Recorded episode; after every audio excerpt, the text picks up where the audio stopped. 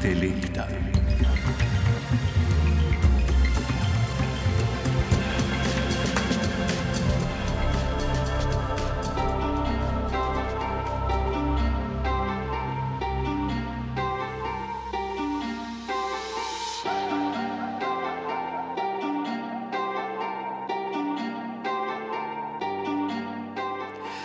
Druga svetovna vojna je Japonsko spravila na kolena.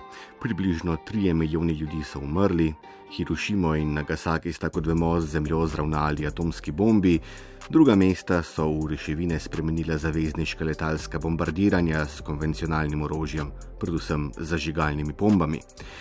V deželi je vladala lakota, industrijska proizvodnja pa je leta 1946 dosegala le še četrtino tiste pred vojno. Ob vsem tem seveda ne gre prezreti, da je bil ob koncu vojne tudi mednarodni sloves Japonske katastrofalen. Kako bi vendar ne bil, ko pa je država že leta 1937 sprožila brutalno invazijo na Kitajsko, štiri leta pozneje je napadla še Ameriko, zgodovinari pa danes ocenjujejo, da je japonski vojaški režim zakrivil smrt vsaj treh, če ne kar desetih milijonov Kitajcev, Korejcev, Indonezijcev, Filipincev in številnih drugih.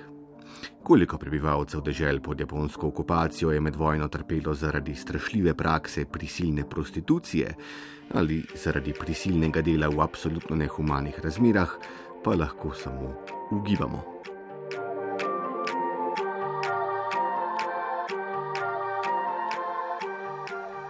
Tri četrt stoletja pozneje so stvari videti povsem drugačne. Japonsko gospodarstvo je, tako za ameriškim in kitajskim, tretje največje na svetu. Kot članica Organizacije za gospodarsko sodelovanje in razvoj ter skupine G7, pa je država vzhajajočega sonca zdaj precej vpliven akter na mednarodnem odru. Še več, na japonskem izdelajo kar 55 odstotkov vseh robotov na svetu in jasno, z naskokom vodijo na tem tehnološko prebojnem področju. Po številu raziskovalcev v naravoslovno-tehničnih vedah na tisoč prebivalcev so gledano globalno na drugem mestu, z uložkom več kot 170 milijard dolarjev letno v znanost in tehnologijo pa na tretjem, ponovno samo za Združenimi državami in Kitajsko. Če k vsemu temu prištejemo še planetarno priljubljene japonske videoigrice, pa pop glasbo ter stripe, animirane in igrane filme. Ali če se spomnimo, kako radi ljudje iz vsega sveta pišejo hajkuje, gojijo bonsaje in rešujejo sudoku, tedaj moramo ugotoviti, da sta ugled in tako imenovana mehka moč dežele vzhajajočega sonca danes izjemna.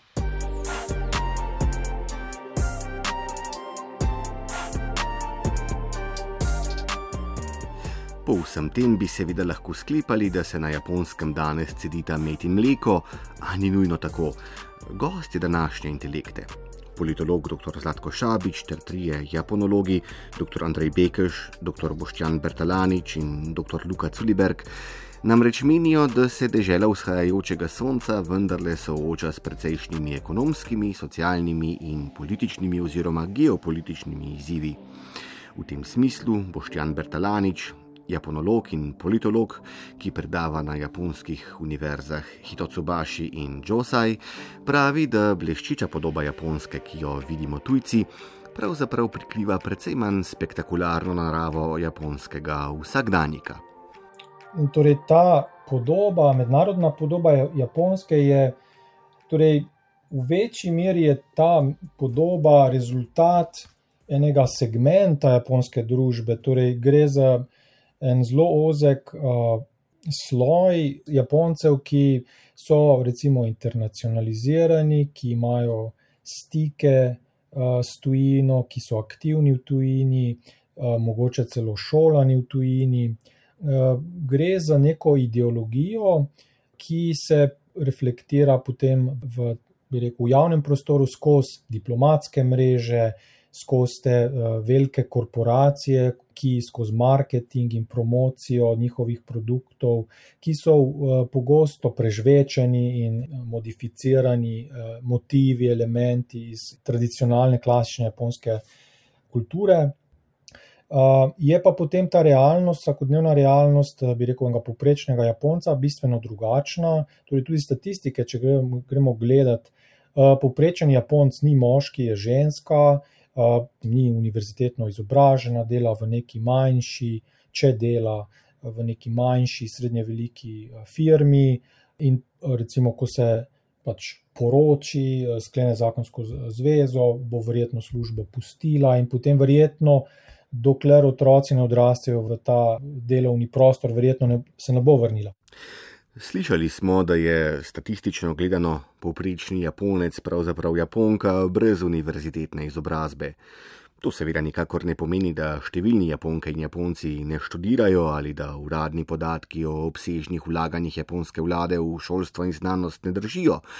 Tudi Boščan Bertalanič vendarle povdarja, da v deželi vzhajajočega sonca iz svojega izobraževalnega sistema najbrž ne iztisnejo vsega potencijala, ki bi ga, glede na vložek, lahko. Jaz mislim, da na področju šolstva, izobraževanja je Japonska precej nazadovala v zadnjih 20 ali pa mogoče celo 30 letih. Um, v primerjavi s sosednjimi državami, naprimer Korejo, Tajvan, Kitajska in tako naprej, uh, torej uh, v nasprotju z njimi pa japonski študenti zelo malo, vse manj hodijo recimo na študij v tujino. Oziroma, če že grejo v tujino, grejo za par tednov, grejo bolj tako turistično. Torej, zelo malo je tega pretoka, uh, aktivnega iskanja znanja v tujini. Pa ne zaradi tega, da študenti te, uh, niso zainteresirani, japonski študenti, da niso zainteresirani za to. Mislim, da je spet tukaj pač sistemi, ki delujejo v japonski družbi, recimo trg zaposlovanja, ki je izredno rigiden in zahteva, da so študenti tukaj, uh, da aktivno iščejo zaposlitev točno v določenem času, v določenih letnih časih ali določenih mesecih in tako naprej. Torej, ogromno nekih zahtev, ki preprečujejo, pa pa ne samo teh družbenih, tudi, tudi potem finančne zahteve in tako naprej. Uh, torej, na retorični ravni veliko govorijo o internacionalizaciji, koliko so odprti in tako naprej, ampak v realnosti je, mislim, slika čisto drugačna. In tukaj je odnos s sosednjimi državami izredno pomemben.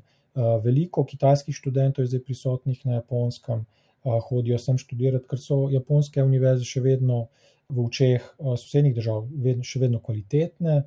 In to odpiranje šolstva, pa ne samo enosmerno, mislim, da tudi eh, po drugi strani večje stimuliranje, eh, dajanje različnih subvencij in podpore mladim Japoncem, da grejo ven, torej, da grejo študirati, se učiti, iskati znanja v druga kulturna območja, druge države.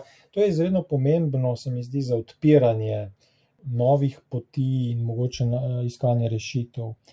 Eh, Japonska je izredno zaprta in to se je pokazalo tudi zdaj eh, v času te pandemije. Lansko leto je bila izredno, eh, mislim, da je odmevala ta reakcija japonskih oblasti, ko so zaprli praktično meje za tuje rezidente, torej ljudje, ki tukaj delajo, živijo, imajo tukaj družine, plačujejo davke, niso smeli nazaj na Japonsko.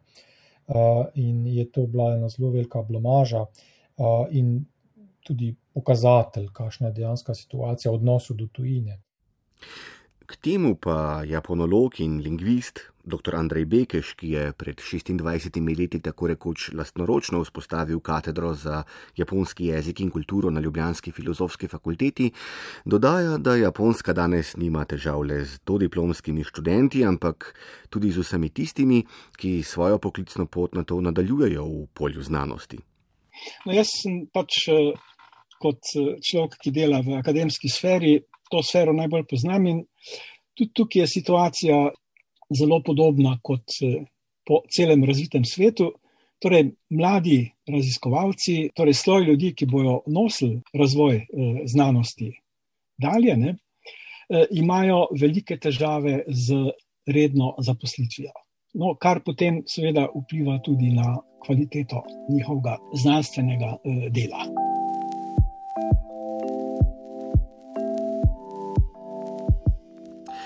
Japonska je seveda bogata dežela, je dr. Bertalanič vseeno govoril o težkih razmerah na tamkajšnjem trgu dela. Dr. Bekeš pa je upozoril, da se danes tudi najbolj perspektivni mladi raziskovalci soočajo z negotovostjo, s prekarizacijo delovnih mest. Kako je to mogoče? Odgovor je brščas treba začeti iskati v ohlajanju japonske ekonomije. Ta je od konca druge svetovne vojne pa vse do konca 80-ih rasla s kukovito letno stopnjo. V tem smislu so številni opazovalci govorili kar o gospodarskem čudežu. Potem pa se je vse hudo upočasnilo. Kaj se je pravzaprav zgodilo? Kaj je šlo narobe? Andrej Bekeš je odgovoril takole. Torej, japonski gospodarski čudež eh, pač eh, je bil eden od čudežev po vojni. Imeli smo tudi jugoslovanskega, ne, kar bi tudi eh, lepo bilo se spomniti v 50 in 60 letih. In je Jugoslavija še z večjih razvalin se dosti dobro na noge postavila. Torej, teh čudežev je bilo kar precej. Ne. Zdaj Japonska z 100 in več milijonov ljudmi je imela tak potencial, da je lahko v nekem trenutku postala druga gospodarska sila. No, in potem, torej, sedanje stanje ni toliko japonski čudež, ki je ugasnil, ampak je dejstvo, da so bili še drugi čudeži, med njimi tudi azijski tigri in seveda največji med tigri eh, Ljudska republika Kitajska, ki so pač tudi eh, se potrudili in se razvijali dalje. Tako da je Kitajska prehitela Japonsko in uh, to je dejstvo, ki uh, torej, ni povezan z nekim čudežem, povezan je z obsegom, ki ga Kitajska lahko ima. Ne? Torej, z kolikor toliko uh, stabilnim zagonom v 80-ih letih je šla stvar naprej in je Kitajska uspela se razviti do te stopnje, kjer je danes po drugi strani pa še eno. Ne, torej, ta silni gospodarski razvoj, ki je tudi v Zahodnji Evropi bil nekoč ne vem, 5%, eh, 6% letno, je upadel. Pač eh, naravni resursi so zasičeni, možnost razvoja se eh, omeji. No, te reči so znane iz biologije. Ne, če imamo vem, skledo sladke vode in damo not bakterije, ki jejo sladko vodo, potem se najprej zelo hitro razvijajo, potem pa počasi sladkorja začne zmanjkvati, pa potem tudi ta razvoj se vedno bolj upočasni in ko sladkorja zmanjka, je razvoja konec. No, in to je tisto, kar nas pravzaprav čaka danes, eh, torej v bližnji prihodnosti, eh, s tem, da nam je sladkorja za človeštvo pač je relevantno, koliko je naravnih resursov, ki so na razpolago. Ko bomo vse to izčrpali, bo konc. Torej, neskončnih možnosti razvoja ni. Okrog leta 1990 je torej japonsko gospodarstvo doseglo tako visoko točko razvoja, da prostora za hitro, celo skokovito rast preprosto ni bilo več. Toliko bolj, ker so v japonski soseščini, na kitajskem, prav v tistem času vlagateljem z vsega sveta začeli ponujati dostop do neverjetno poceni delovne sile. To je izvalo stagnacijo, vendar pa se japonska ekonomija ni kar sesula, kakor kakšna hišica iz kart. Pravzaprav so bile, kot še pripoveduje dr. Bekeš, celo sredi najhujše gospodarske krize razmere na japonskem prav zgledne v primerjavi s tistimi v Evropi ali Severni Ameriki. Torej, v 90-ih letih, ko naj bi Japonska strahotno škripala, je imela Zahodna Evropa stopno brezposelnosti tam nekje med 8 in 12 odstotkov, Španija še celo več. Eh, Japonska je imela takrat stopno brezposelnosti tam okrog 2 do 3 odstotke. Ko je brezposelnost narasla na 5 odstotkov, kar bi bilo za Zahodno Evropo, eh, kar bi bil uspeh, ne? in so se vsi hvalili, če so to dosegli, eh, je to Japonska smatrala za katastrofo. Odgovor japonske vlade na ta dozdevno katastrofalen gospodarski položaj je bil, najbrž prav nič presenetljivo, skladen z ekonomskimi pravovernostmi, ki so že prej, v 80-ih, dobile svoj domicil v Združenih državah Amerike in Veliki Britaniji. Kot pojasnjuje predstojnik oddelka za azijske študije na Filozofski fakulteti Univerze v Ljubljani, japonolog in sociolog dr. Luka Culiberg. Eh, to predvsem pomeni po letu 2000 naprej um, drugačno usmeritev v odnosu do privatizacije. Tu se je začelo na veliko privatizirati um, ogromna javna podjetja, kot je bila Japonska pošta, pa železnice in tako naprej. Um, vse te eh, nove liberalne ali pa celo neoliberalne reforme niso sicer zagnale novega ne, cikla neke mm, rasti. Ampak eh, rezultat pa je te stagnacije, da seveda Japonska ostaja gospodarsko močna, ampak na drugi strani se verjetno ta predhodna enakomernejša, ne, eh, če bi tako rekli, porazdelitev sadov tega močnega gospodarstva, zdaj bolj polarizira v koncentracijo bogatstva na eni strani in vse več revščine na drugi. Ne. Te neoliberalne reforme pa so, kot še dodaja Luka Culiberg, razgradile tudi nekatere pomembne ideološke predstave, ki so predtem razmeroma trdno in uspešno povezovale japonsko družbo. Je pa res, da so se v tem času na japonskem začeli razblinati določeni miti, ki so prevladovali uh, v času najintenzivnejše gospodarske rasti, ne v času tega gospodarskega čudeža v 60-ih letih. Um, kot naprimer to, da je celotno japonsko prebivalstvo en sam razred, ne, da so vsi, torej srednja japonska uh, dežela srednjega razreda, kjer ni izjemno bogatih, ni izjemno revnih, vsi imajo vse osnovne dobrine, živijo ne, na način srednjega razreda, imajo hišo, avto, barno televizijo, to so bili tisti. Narativi tega, kaj konstituira srednji razred, ne, in tako naprej.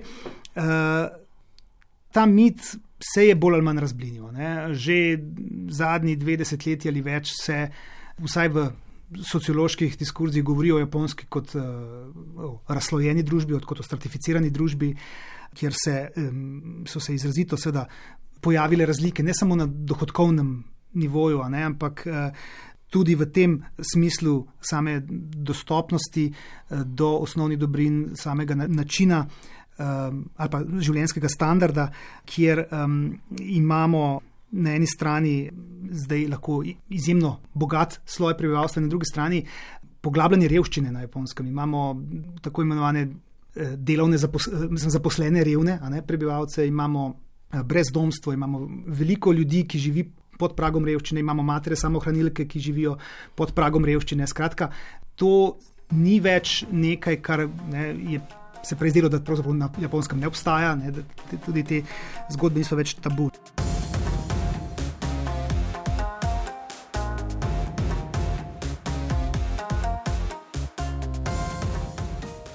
Seveda pa gospodarski zastoj v 90-ih letih ni vplival samo na vladno ekonomsko politiko ali na ideološko samopodobo Japonk in Japoncev, ampak je imel, kakor smo mimo grede že omenili, precejšen vpliv tudi na zaposlovalno prakso japonskih podjetij. V tem smislu Boštjan Bertalanič pripoveduje, da je danes delavcev, ki si kariero lahko gradijo v varnem, stabilnem, predvidljivem delovnem okolju, pravzaprav zelo malo. Ta stereotip vseživljenjskega zaposlovanja, torej dobiš delovno ponudbo, se zaposliš v Soniju in si potem tam zaposlen do praktične upokojitve. Tega je praktično danes zelo malo, se je predvsem zaradi teh neoliberalnih reform in poskusov reform se je to izredno oklestilo. Torej, recimo nek študent, ki je diplomiral, mislim, da v prvi vrsti je postavljen pred vprašanje, pred dilemo delo ali družina. To mislim, da je zdaj precej akutna zadeva in predpostavlja se predvsem od moških, praktično popolno, uh, si popolno posvečen podjetju, začne se delovna karijera skozi posebne, posebni tečaji, so, torej uvajanja, učenja te poslovne etike. Torej gre za, za izredno podrobno usvajanje in učenje teh praks, ki so značilna za poslovno kulturo tukaj, in, in to se deloma izvaja tudi v univerzah. Recimo, študenti, ki hodijo na delovne prakse, so ponovadi podvrženi temu. Ampak, ko so enkrat skozi ta proces šli skozi, potem se začne ta rotacija. Torej, pričakuje se, da bo študent ne bo specialist za neko področje, ampak bo rotiral skozi različne segmente v podjetju in se bo skozi to rotacijo oplajo z različnimi znanji in izkušnjami, in potem po tej korporativni lestvici počasi se uspenil gor. Tako da jaz mislim, da je sama ta poslovna etika in poslovna kultura izredno neprijazna do, do družin oziroma do posameznika ali pa posameznice, ki si želi družine, je, je resnično zelo težko, ne samo zaradi kulture dela, ampak tudi v zadnjem času izjemen porast prekarnega zaposlovanja, torej nerednega, nestalnega zaposlovanja. To dodatno vpliva na neodločanje za recimo družine in posredno vpliva na majhno manjšanje rodnosti. No, tu pa smo trčili ob brščas največjo težavo, s katero se sooča današnja Japonska, ob demografsko krizo. V kontekstu vse bolj prekarnih razmer na trgu delovne sile, ki jih je popisoval dr. Bertalanič, rodnost prav nič presenetljivo, precej strmo upada. Manjša, ko je rodnost, manj ljudi vstopa na trg delovne sile. Podjetja ta problem skušajo razrešiti tako, da dvigujejo raven produktivnosti, se pravi, da najmlajšim delavcem naložijo še več dela. Ker pa neoliberalne reforme niso zagnale novega cikla skokovite rasti, delodajalci svojim delavkam in delavcem ne ponudijo plačila, ki bi bilo ustrezno obsegu dela, ki ga zaposleni opravljajo.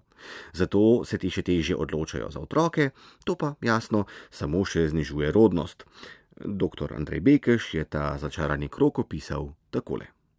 No, ena znanka, ki je ginekologinja, mi je pravila, da problem, torej en, ena velika komponenta tega problema eh, nizke rodnosti je v tem, ne da bi ljudje ne marali otrok med, ampak v starosti, ko jih lahko imajo, eh, kar pomeni nekje od 35 pa naprej. Ne, Torej, se že eh, biološke omejitve pokažejo in rodnost torej, ljudi pada.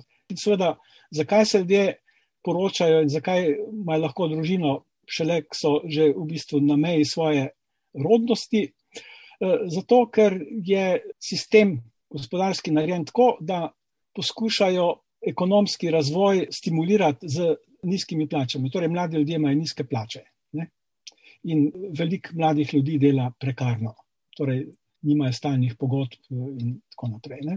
Torej, problemi, ki jih imajo vse eh, razvite ekonomije. No, če Slovenijo pogledamo, jaz imam doskrat tudi tisto, da smo eh, sijamski dvojčki, ne, čeprav je Slovenija 60 krat manjša po številu prebivalcev kot Japonska.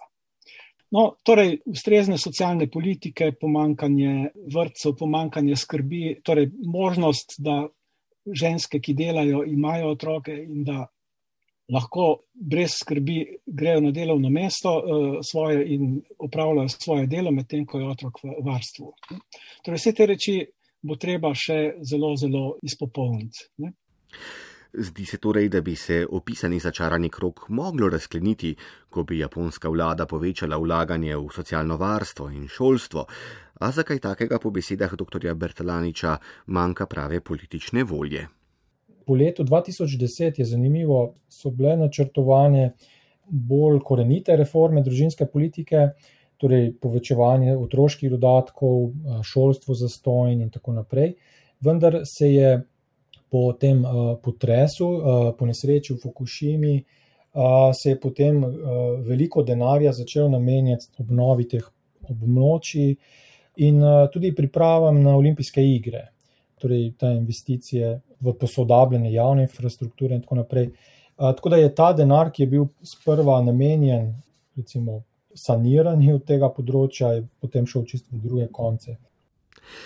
Kaj to pomeni, da moramo glasno nasprotovanje japonske javnosti olimpijskim igram na predvečer tega športnega spektakla pravzaprav razumeti v kontekstu razočaranja, kjer je vlada denar na mesto v prepotrebne socialne programe uložila v olimpijado, ki bo za nameček zaradi pandemije novega koronavirusa najverjetneje pridelala še astronomsko izgubo?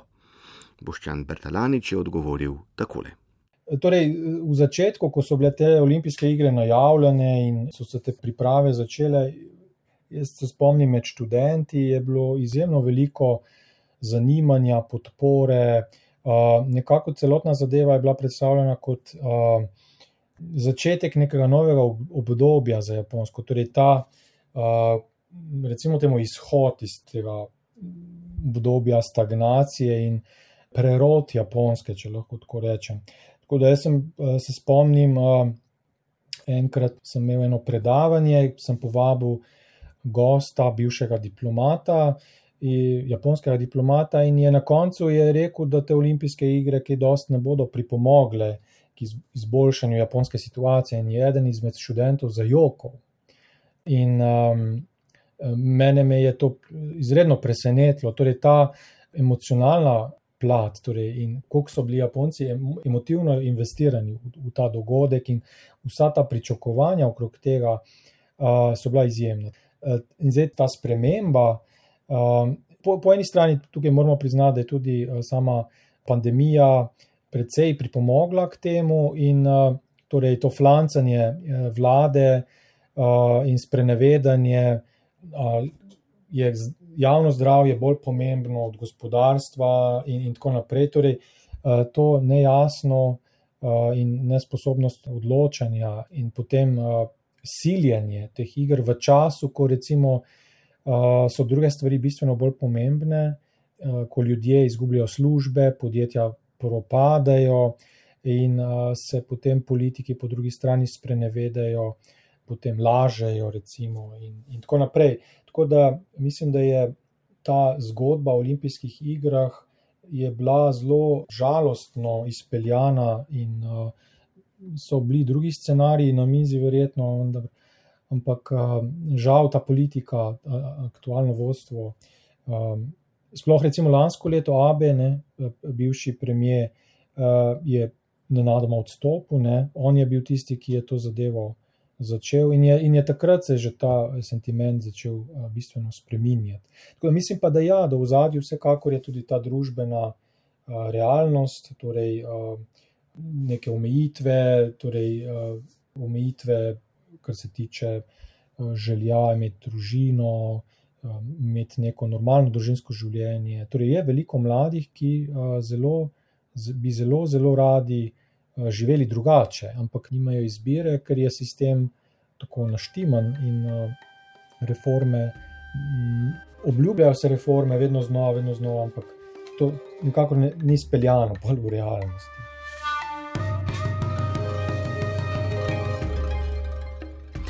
Japonska javnost ima, kot smo slišali, že 30 letja precej tehne razloge za nezadovoljstvo.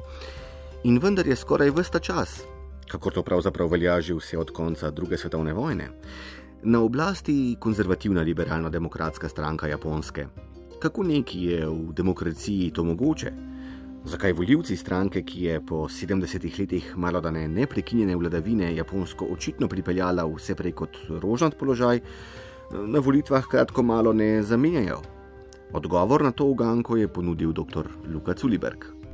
Torej, liberalno-demokratska stranka ni, ni samo preprosto stranka, ampak je en element v sistemu, ne, ki obvladuje celoten japonski prostor, skupaj z velikimi industrijskimi podjetji, eh, skupaj z uradniško elito, bi rekli, ne, ki je peljala ta gospodarski razvoj po vojne japonske obnove. Ne, Uspešno naprej, in je eh, na nek način postala neka inertna institucija, ne, ki je tako močno upeta v vse segmente družbe na teh nivojih, da jo je na nek način težko odmisliti. Zdaj, treba namreč vedeti, liberalna demokratska stranka se je oblikovala v tem povojnem času te nove politične krajine in je v bistvu postala, uh, ali pa njen motiv nastanka je bil. Opozicija močnemu levemu polu, ki se je organiziral okrog socialistične stranke. Ne? In uh, S tem se je ustvarila ta bipolarna delitev politike. In seveda v tem smislu ne, je liberalno-demokratska stranka postala tudi tista institucija, na katero se je naslonila, so se naslonile Združene države Amerike, ne, da so peljale Japonsko po svoji poti. Tako da je um, bil en močnih elementov te začetne uh, uspešnosti liberalno-demokratske stranke tudi velika finančna podpora ameriških institucij, obveščevalnih služb in tako naprej. Seveda pa po besedah Luke Culiberga samo ameriška podpora ne bi zadoščala, ko bi liberalno-demokratska stranka ne bila dovolj spretna pri upravljanju s tako imenovanim japonskim gospodarskim čudežem. Sredi 50-ih, ko se liberalno-demokratska stranka oblikuje, začne na japonskem tudi že ta gospodarski čudež, kot mu rečemo, to je ta izjemna gospodarska rast eh, bruto domačega proizvoda, ki je za vsaj naslednji 20 leti osredotočila cilj Japoncev in Japonk na gospodarsko ukrevanje, na izgradnjo nove Japonske. In je v tem procesu uh, eh, LDP, torej navidezno um, kompetentno, brez neke pretiranih, kot bi danes rekli, ideoloških tem ali delitev polarizacij vodila ta proces. Uh, zato je postala na nek način samoumevna ne, v, v svoji politični vlogi. Um, zdaj, hkrati, ne s tem, pa kot sem prej že rekel, se ne vzpostavi samo kot um, neka politična stranka, ampak postane neka koalicija te velike industrije, um, malih podjetnikov, kmetovalcev, ne, kjer um, se uh, prepletajo različni interesi, ki jih seveda v nekakšni simbiozi s politiko in uradništvom, potem vsi vzamejo za model, ki jim najbolj ustreza.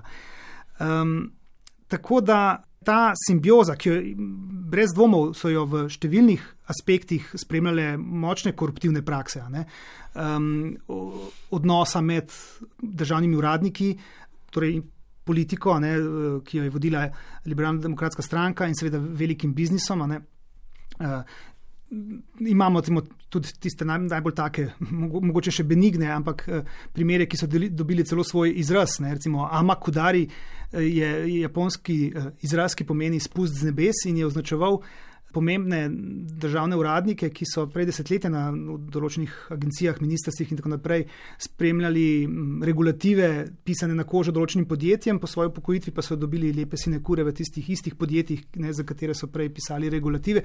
Tako da tu imamo torej to neko zelo simbiotično delovanje.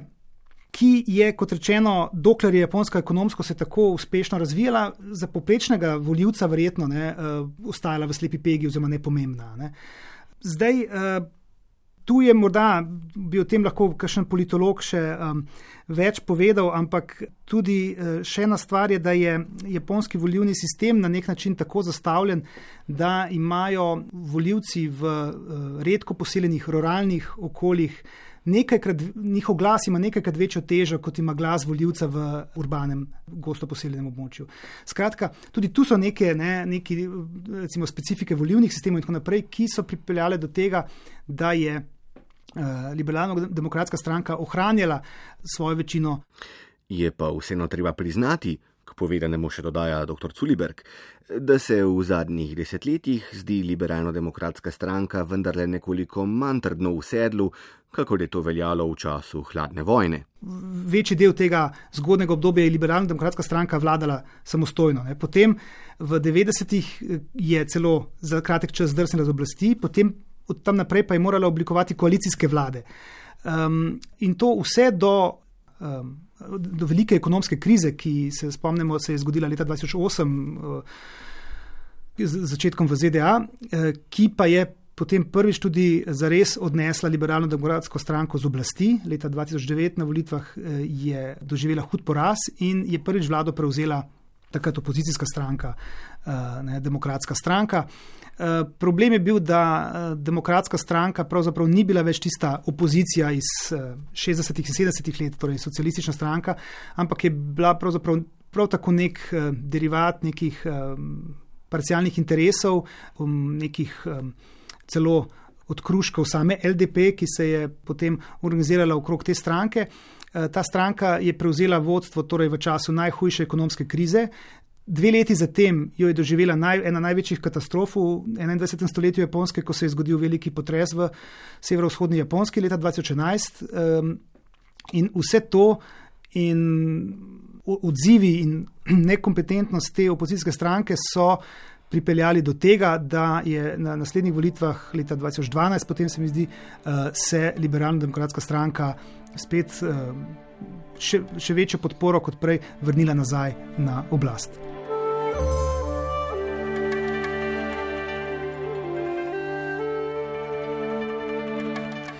Ali bodo japonski liberalni demokrati uspeli vladati še naprej, bomo videli že v kratkem. Jeseni bodo namreč v deželi vzhajajočega sonca potekale volitve in novo vlado, kdorkoli jo bo že vodil, gotovo čaka precej dela. Pri tem pa velja povdariti, da med izzivi, ki čakajo novo garnituro, še zdaleč niso samo domače težave, ampak se bo morala soočiti tudi z dovolj zapletenim mednarodnim položajem. Napetosti med Washingtonom in Pekingom pač naraščajo. Najverjetneje se kuha kar nova hladna vojna in japonski bo, glede na njen geografski položaj, v tej konfrontaciji slejko prej pripadla zelo pomembna vloga. Marsikdo se najbrž sprašuje, s katero vele silo bo potegnil Tokio, tudi dr. Zlatko Šabič, politolog, predavatelj na katedri za mednarodne odnose Ljubljanske fakultete za družbene vede in vodja raziskovalnega središča za vzhodno Azijo, pravi, da je kocka pravzaprav že padla. Če pogledamo ravno v zadnjem času, ne, se pravi, to je praktično staro par dni, če hočete, ne, se je Japonska zelo jasno odločila, ne, saj v tem trenutnem uh, času in to je, da gleda Kitajsko kot v resnici objektivno grožno oziroma izziv.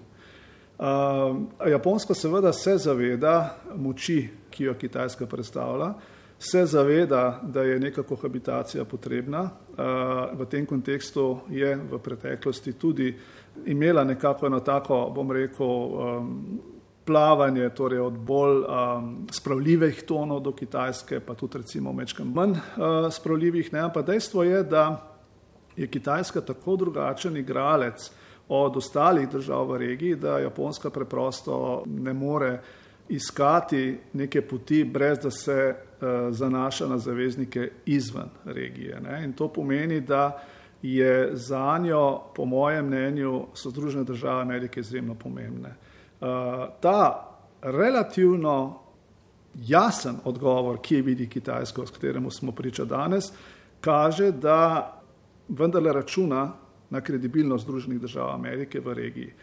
Vi ste rekel, da je Amerika seveda geografsko daleč, ne? ampak seveda očitno še vedno dovolj blizu uh, svojo vojaško tehnologijo, predvsem, da Kitajska vendarle ne realizira določenih zunanje političnih ciljev, tukaj mislim predvsem na Tajvan čez noč, ampak se vendarle nekako deluje bolj previdno. Ne? In zdaj v tem smislu je tudi jasno, da si Združene države Amerike, in tukaj vidim razlog za japonsko samozavest, Združene države Amerike natančno vedo, da je za nje, za Združene države Amerike, status vele sile odvisen od njenega položaja v jugovzhodnoazijski regiji.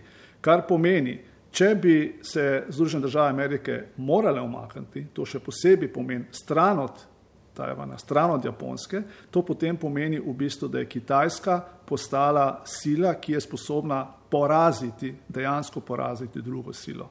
Kar pomeni, da Kitajska postane vele sila prvega reda in Združene države Amerike vele sile drugega reda.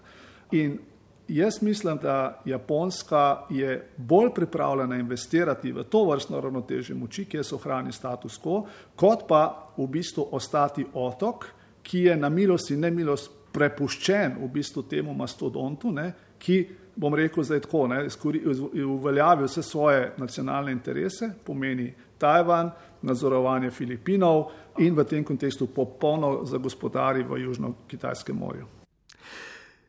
Tak razvoj dogodkov, se pravi kitajsko nesporno gospodstvo nad morjem ob zahodnem robu Pacifika, bi seveda ogrozil pomorske poti, prek katerih se Japonska oskrbuje z energenti in drugimi ključnimi surovinami, tega pa vlada v Tokiju preprosto ne more dopustiti. A to po prepričanju Zlatka Šabiča ni edini razlog, zakaj se Japonska boji kitajskega uspona in se zateka še trdneje v ameriški objem. Mi ne smemo pozabiti, po mojem mnenju, tudi še vedno zelo živega elementa, ki tudi na japonskem zelo prisoten, čeprav se morda to ne vidi, ali pa recimo za nas, ki smo oddaljeni, se to mogoče ne vidi tako zelo, so neraščiščeni odnosi zgodovine. Ne? Torej, tista katarza, skozi katero recimo je šla Nemčija po drugi svetovni vojni, na japonskem niti zblizu ni temu tako. In um, torej, ta občutek krivde, za vse, kar se je dogajalo v času druge svetovne vojne uh, Kitajski, pa ne samo Kitajski, kot veste, podobno je bilo v Koreji. Um, tega seveda Kitajci ne pozabijo in del tega nacionalizma kitajskega vizavi japonski je del te zgodbe. In uh, jaz mislim, da je torej tukaj več. Zagotovo ta geopolitični element, o katerem ste vi govorili, je izjemno pomemben, uh, strateškega pomena, gospodarskega pomena. Uh, mislim pa, da je tudi ta psihološki element blazno pomemben. Ne? In ta strah, da Japonska, torej da ostane praktično tam brez enega tako pomembnega zaveznika, kot so Združene države Amerike. Uh, torej, tudi v tem kontekstu bi se dalo razumeti uh, to jasno opredelitev, da vidi, rečemo zdaj diplomatsko, Kitajsko kot izziv ravnotežju moči, eh, miru in varnosti v regiji. Jaz mislim, da je, torej, torej, če smo še prej imeli neke dvome, kako se misli Japonska postaviti, jaz mislim, da je zdaj v strateški orientaciji, ki jo je predstavila javnosti, um, se mi zdi, da je to zdaj popolnoma jasno in se mi zdi tudi za mednarodno odnose zelo pomembno. Namreč zelo pomembno je, da vemo, kako so se tam postavile pač karte. Ne? Se pravi, ne gre samo za vprašanje Tajvana, gre tudi za vprašanje politične eh, pozicije Japonske in v tem kontekstu seveda potem tudi, kako na kakšen način bodo delovale Združene države Amerike doma, kar pomeni, da Združene države Amerike zdaj seveda lahko svoji notranji javnosti kot legitimno prisotnost tam v bistvu še bolj jasno poudarijo, da so tam zaradi tega, da obranijo demokracijo v regiji. Branjenje demokracije je seveda močno sumljiva fraza, ki so jo američani veliko uporabljali že med prvo hladno vojno. In vendar so, kot slišimo, strateški dokumenti japonske vlade jasni, njena orientacija v mednarodnem prostoru prav tako. Toda ali to usmeritev političnih voditeljev iz Tokija, usmeritev, ki sleko prej vodi v zaostrovanje odnosov s Kitajsko, podpira tudi japonsko prebivalstvo? Po besedah dr. Andreja Bekeša je med navadnimi ljudmi, ki pozorno spremljajo dogajanje na mednarodnem parketu, čutiti kar precej nelagodja. Prebivalstvo samo je zelo kritično do tega, kako se ZDA kot torej, prijateljska država za svojo vojsko obnaša na japonskem. Torej, Doskrat se ameriška vojska eksteritorijalno obnaša. Recimo, pravila za helikopterje ko preletavajo Tokio, so taka, da ne smejo pod neko višino letati. Torej, eh, ameriški helikopteri letajo na višini eh, isti, kot so sto, visoke stopnice v Tokiu. Ne? To je že en tak primer.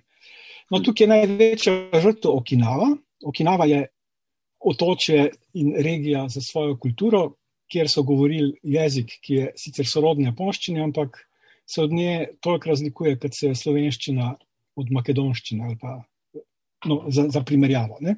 Torej, Okinawa in z ameriškimi bazami, ki so koncentrirane na Okinavi, ne, eh, njen prispevek torej, je približno en procent prebivalstva cele Japonske in nosi več kot polovico vseh vojaških baz ameriških na Japonskem. Ne. In seveda vse te baze ameriške na Japonskem, če se karkoli zgodi, Torej, Amerika je predaleč, da bi v spopadih hitro bila česa deležna od eh, povračilnih dejanj, recimo z Kitajske ali pa preventivnih eh, vojaške baze eh, ameriške na japonskem, so pa cilj za preventivne in povračilne ukrepe Kitajske, kar pomeni, da je v končni fazi Japonska tista, ki bo plačala ceho za konflikt, ki se kuha med ZDA in pa Kitajsko. No, to so razmišljanja pač eh, tukaj komentatorjev na televiziji, prebivalcev, mečkim bolj osveščenih in tako naprej.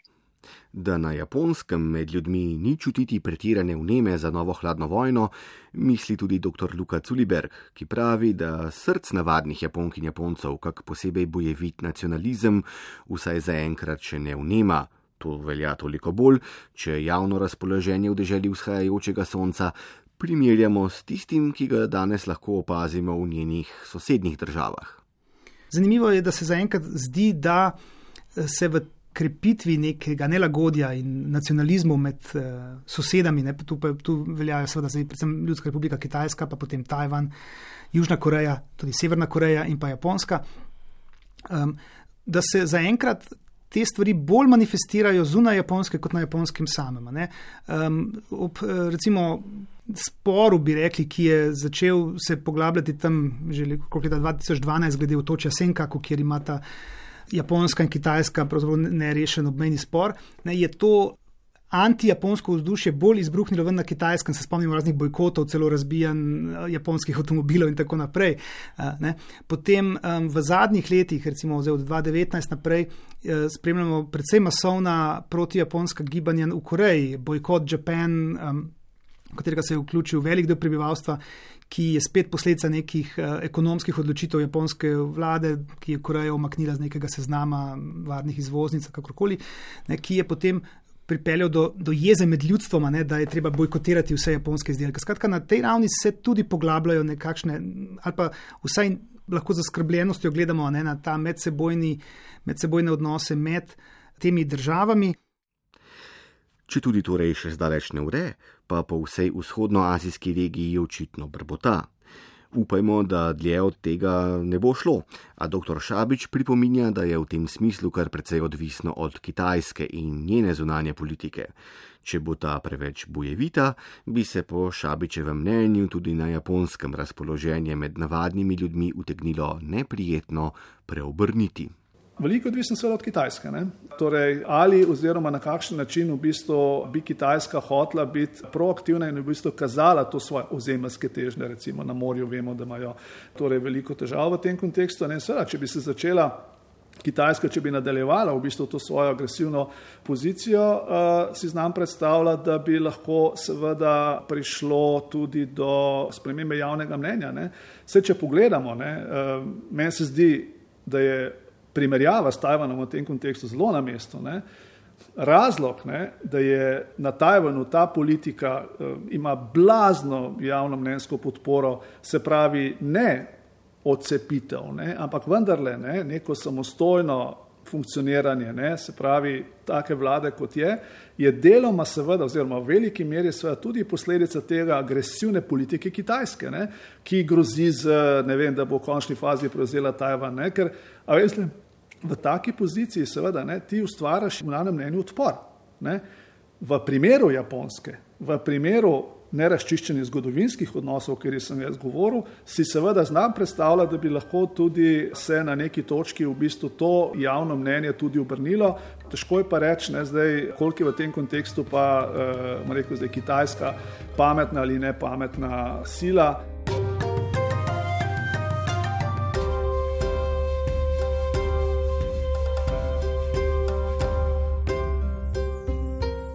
Japonska v tretje desetletje 21. stoletja torej vstopa med kladivom nakopičenih domačih težav in nakovalom vse bolj napetih mednarodnih odnosov. Kako se bo iz tega položaja izvila, pa bo menda pokazal čas.